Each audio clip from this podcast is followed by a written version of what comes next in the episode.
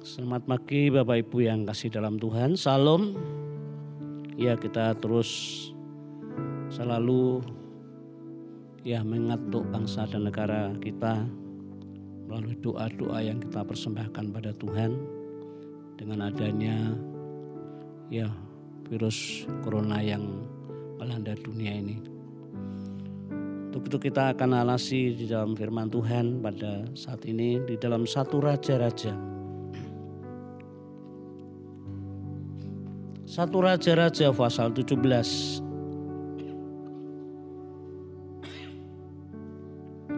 Satu Raja-Raja pasal 17 ayat 1 sampai dengan ayat yang ke-6.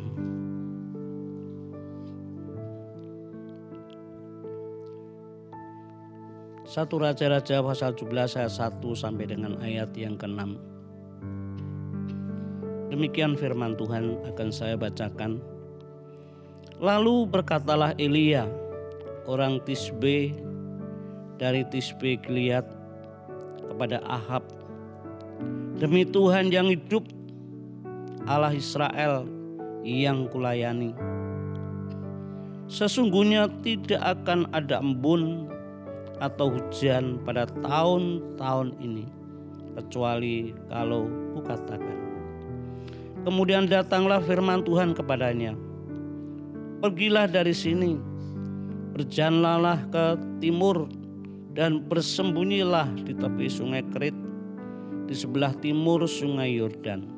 Engkau dapat minum dari sungai itu dan burung-burung gagak telah kuperintahkan untuk memberi makan engkau di sana. Lalu ia pergi dan ia melakukan seperti firman Tuhan. Ia pergi dan diam di tepi sungai Krit di sebelah timur sungai Yordan. Pada waktu pagi dan petang, burung-burung gagak membawa roti dan daging kepadanya dan ia minum dari sungai itu. Ya, sampai di sini.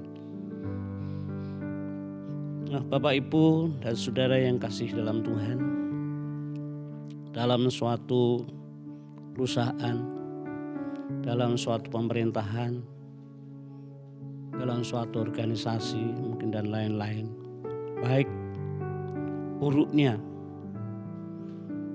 maju dan tidaknya itu sangat dipengaruhi oleh seorang pemimpin.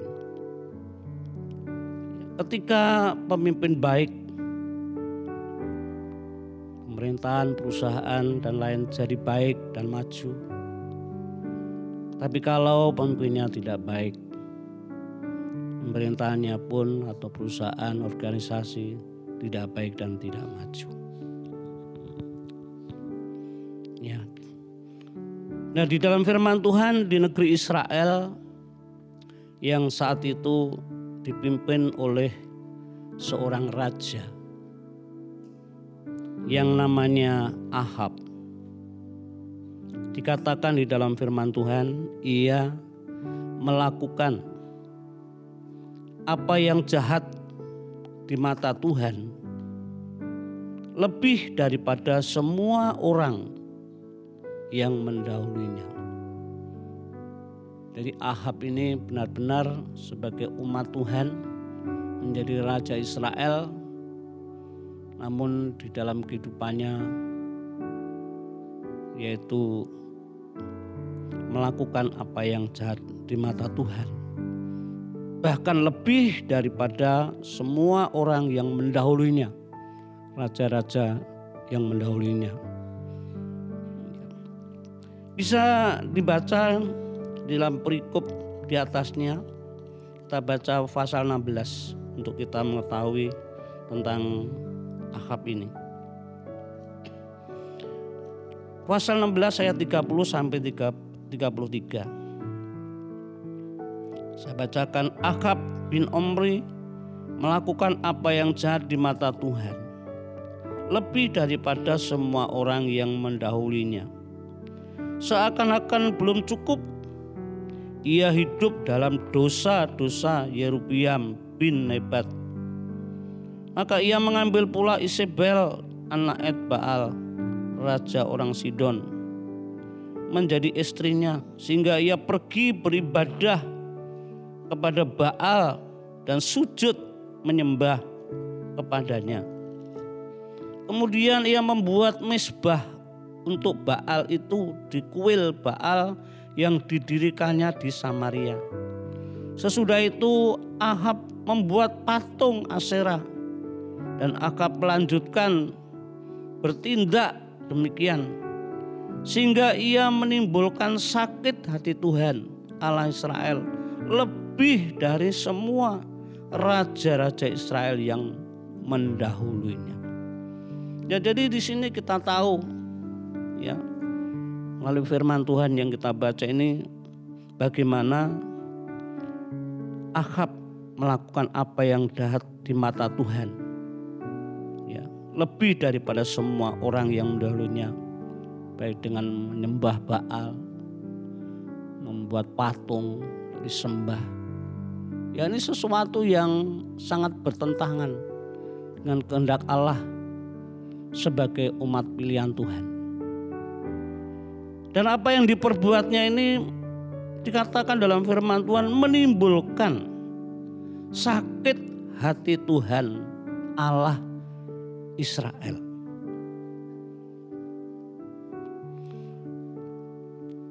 Nah Bapak Ibu yang kasih dalam Tuhan ketika seorang pemimpin yaitu Raja Ahab melakukan yang jahat di mata Tuhan.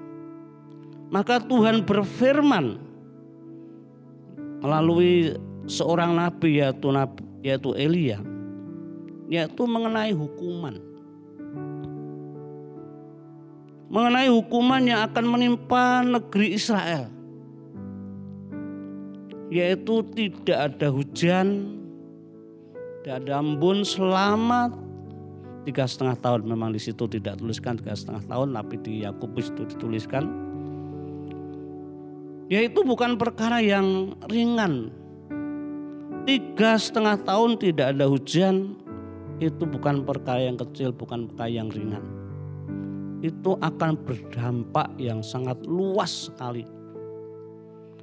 Yaitu kekeringan yang panjang, tanah tidak mengeluarkan hasil bumi,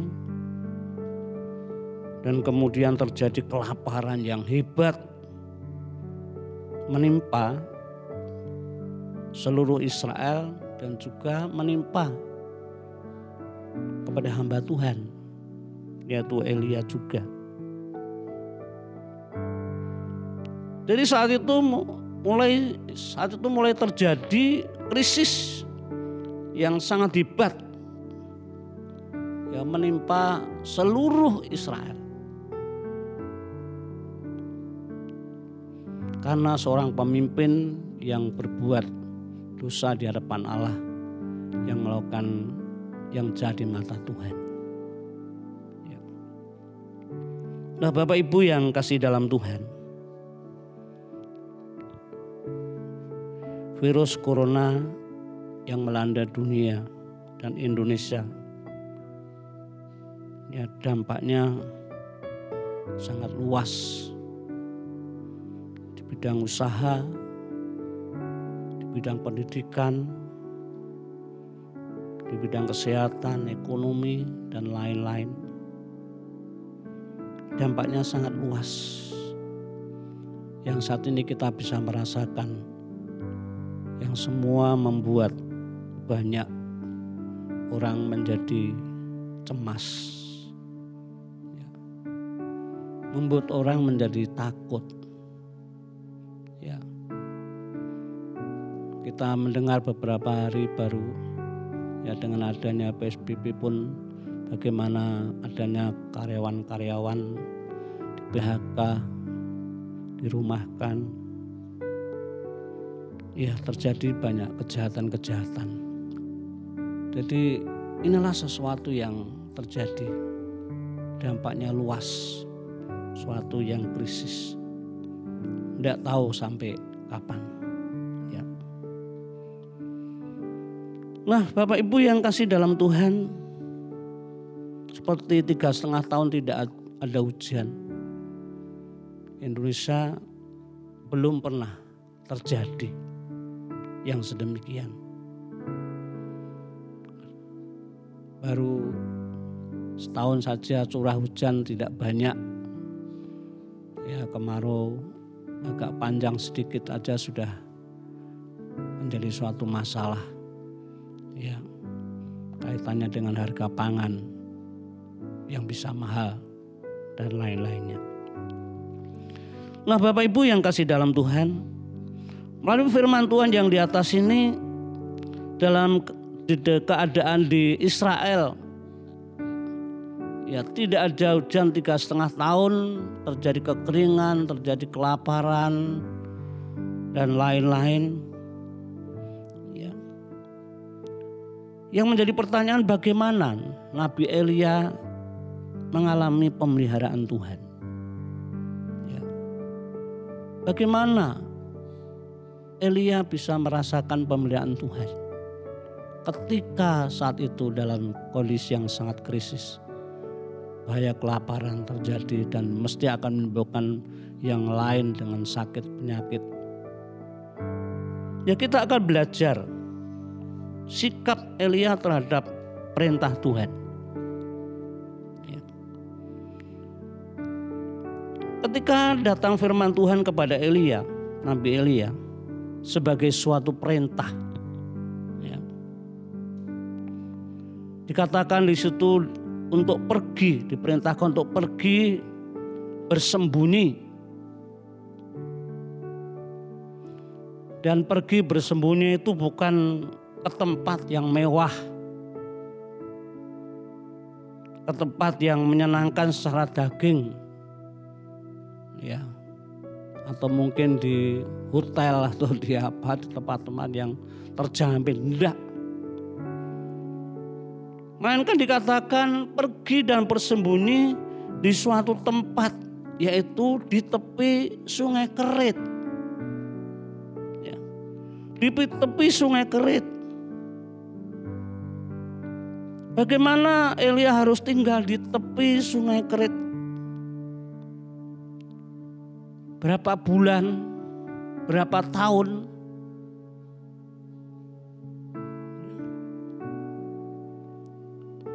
ini bisa menjadi suatu pergumulan bagi Elia. Ya. Menjadi pemikiran dalam Elia. Ketika suruh pergi bersembunyi bukan tempat yang menyenangkan, bukan tempat yang terjamin. Tapi pergi bersembunyi di suatu tempat yaitu di tepi sungai Kerit. Bagaimana ketika Nabi Elia diperintahkan untuk pergi bersembunyi di situ. Wah bagaimana mempersiapkan tempat tinggalnya untuk istirahat. Ya mungkin seadanya. Dengan gubuk. Atau dengan apa untuk dapat bernaung. Waktunya berapa bulan, berapa tahun. Wah itu kondisi yang benar-benar secara fisik. Wah tidak menyenangkan. Ya. Secara fisik tidak menyenangkan. Itu menjadi pergumulan. Itu menjadi pergumulan yang tidak ringan. Dan Tuhan akan memelihara Elia dengan minuman dari sungai Kerit makan roti dan daging yang dibawa burung-burung gagak. Artinya pemeliharaan Tuhan kepada Elia itu dinyatakan dalam hal sangat sederhana sekali. Ya. Sangat sederhana sekali. Yang tidak biasa. Ya. Bagi orang-orang pada umumnya kita bisa merenungkan, bisa memikirkan. Ya, ketika itu kita alami.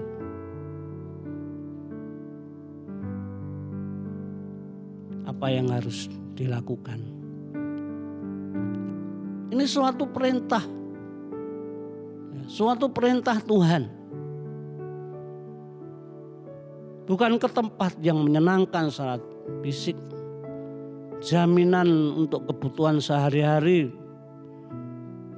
bukan seperti ya di rumah makan di tempat yang tersedia penuh dengan makanan. Enak. Ya hanya berharap burung gagak yang diperintahkan Tuhan untuk membawa roti dan daging.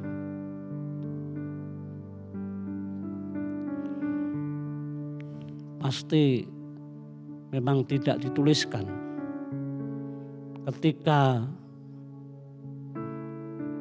Nabi Elia membayangkan ke tempat di tepi sungai Kerit berapa bulan berapa tahun dengan apa yang nanti disediakan tentang makanan. Wah itu terus menjadi pertimbangan dan pergumulan-pergumulan ya. Mungkinkah dia berangkat atau tidak? Terus mengapa di sana? Ya berapa bulan berapa tahun? Menjadi pergumulan Namun Bapak Ibu yang kasih dalam Tuhan dengan suatu perintah yang dari Tuhan.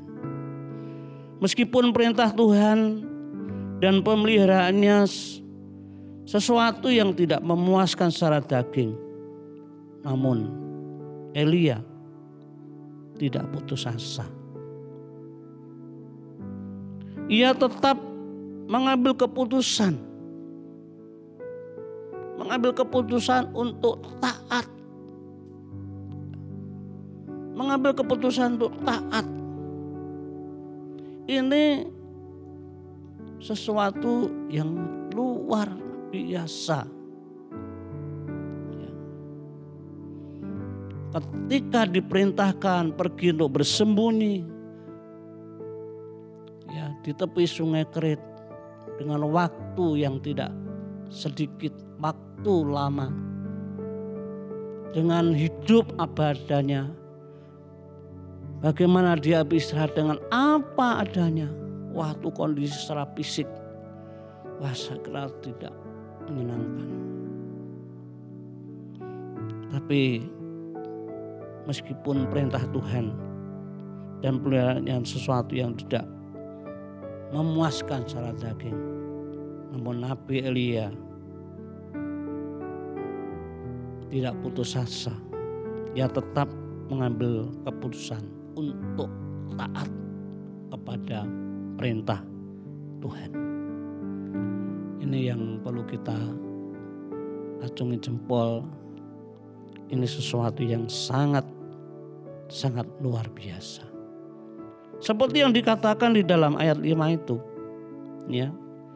Pasal 17 ayat 5. Lalu ia pergi dan ia melakukan seperti firman Tuhan.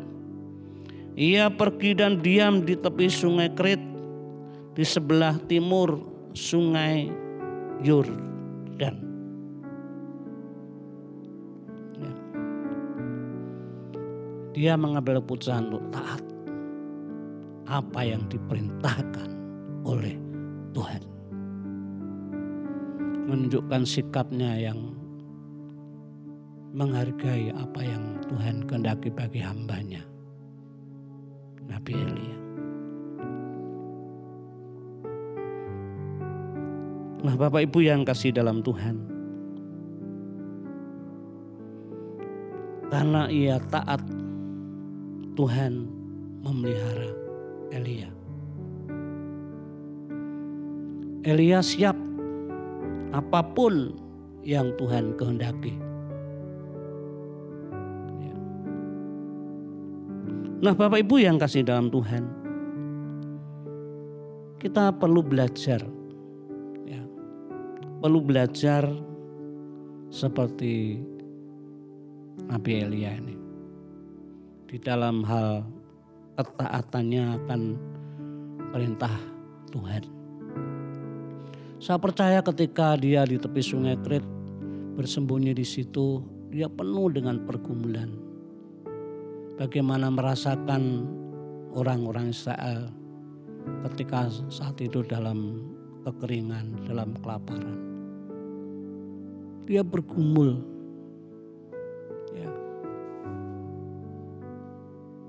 Jadi tidak ya bagaimana menangisi dirinya tidak tapi juga membebani membebani akan bangsanya tentang apa yang terjadi. Karena Elia karena Raja Akab yang melakukan jadi mata Tuhan terjadi suatu hukuman menimpa. Juga ber, berdampak akan di atas dirinya sendiri juga. Ketika dia harus bersembunyi di situ wah dia penuh dengan pergumulan. Saya percaya dengan apa yang dilakukan oleh Elia kepada Akab firman disampaikan pasti Ahab marah dan pasti akan berusaha untuk membunuh. Maka dia perintahkan untuk pergi dan bersembunyi. Di situlah saat dia bergumul, saat berdoa untuk mendoakan semua rakyat Israel.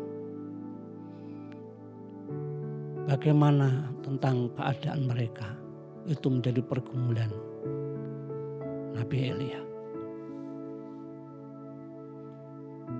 Ya saat-saat ini pun juga demikian bagi kita yang melalui keadaan dunia, keadaan negeri Indonesia di mana kita tempati. Kita mengingat betapa beratnya hidup bangsa kita berjuang untuk dapat mencukupi kebutuhan sehari-hari. Ada yang sulit sampai ada yang melakukan kejahatan dengan mencuri, merampok. Ya, karena memang keadaan. Bagaimana pemerintah kita dalam ambil bagian dalam menangani situasi yang krisis demikian dana yang dibutuhkan dalam penanganan, dalam bidang kesehatan, dalam bidang pendidikan dan lain-lain. Bahwa ini merupakan suatu usaha-usaha bagaimana untuk mengatasi masalah negeri ini. Biar ini juga menjadi bagian kita sebagai anak-anak Tuhan untuk ikut ambil bagian beban terutama dalam doa. Mohon belas kasihan kemurahan Tuhan untuk melawat negeri ini. Ya, lingkungan kami kita demikian juga keluarga-keluarga anak-anak Tuhan. Seperti yang disampaikan oleh Rasul Paulus kepada jemaat di Galatia. Kita akan baca satu ayat yaitu di dalam Galatia pasal 6. Galatia pasal 6 ya.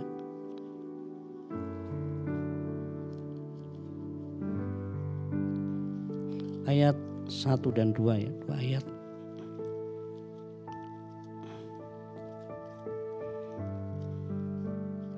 Galatia pasal yang ke-6 ayat 1 dan 2.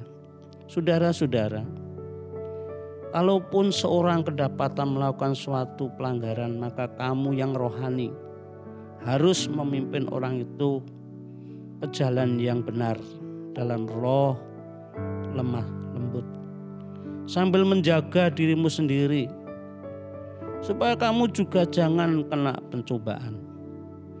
Bertolong-tolonganlah menanggung bebanmu. Demikianlah kamu memenuhi hukum Kristus. Ya. Inilah sesuatu ketika kita dihadapkan suatu keadaan yang sedemikian ini. Kita belajar seperti Nabi Elia. ketika diperintahkan Tuhan untuk bersembunyi di tepi sungai Kerit dengan ya dengan apa yang Tuhan berikan sebagai untuk mempertahankan kehidupan dengan roti dan daging yang dibawa oleh burung-burung gagak pagi dan sore. Wah bagaimana Tuhan tuh mau melawat, memelihara sesuatu yang tidak pernah terjadi.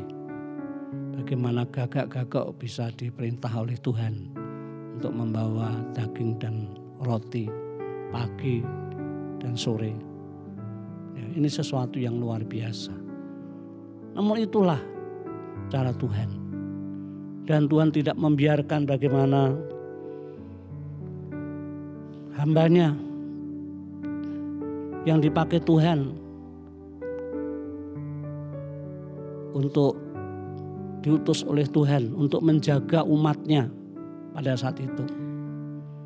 Meskipun sesuatu yang dihadapkan dihadapinya sesuatu yang menjadi pergumulan yang sangat berat. Namun Elia melakukan dan seperti apa yang diperintahkan Tuhan untuk selalu taat kepada Tuhan. Nah biarlah ini juga menjadi sesuatu yang ada di dalam kehidupan kita. Tidak hanya sekedar berdoa, mari kita lakukan apa yang terbaik untuk kemuliaan Tuhan. Mengingat anak-anak Tuhan yang saat ini dalam keadaan ikut imbasnya dalam suasana krisis negeri ini biar kita terus membawa doa ikut ambil bagian beban untuk menolong mereka melalui doa dan apa pun yang bisa kita lakukan agar nama Tuhan dipermuliakan. Dan untuk itu Bapak Bapak Ibu yang dikasih Tuhan inilah firman Tuhan yang singkat ini kiranya menjadi berkat bagi kita menjadi doa-doa kita bersama. Karena inilah sesuatu yang dikendaki Tuhan bagi kita sebagai hamba-hambanya. Tuhan Yesus memberkati.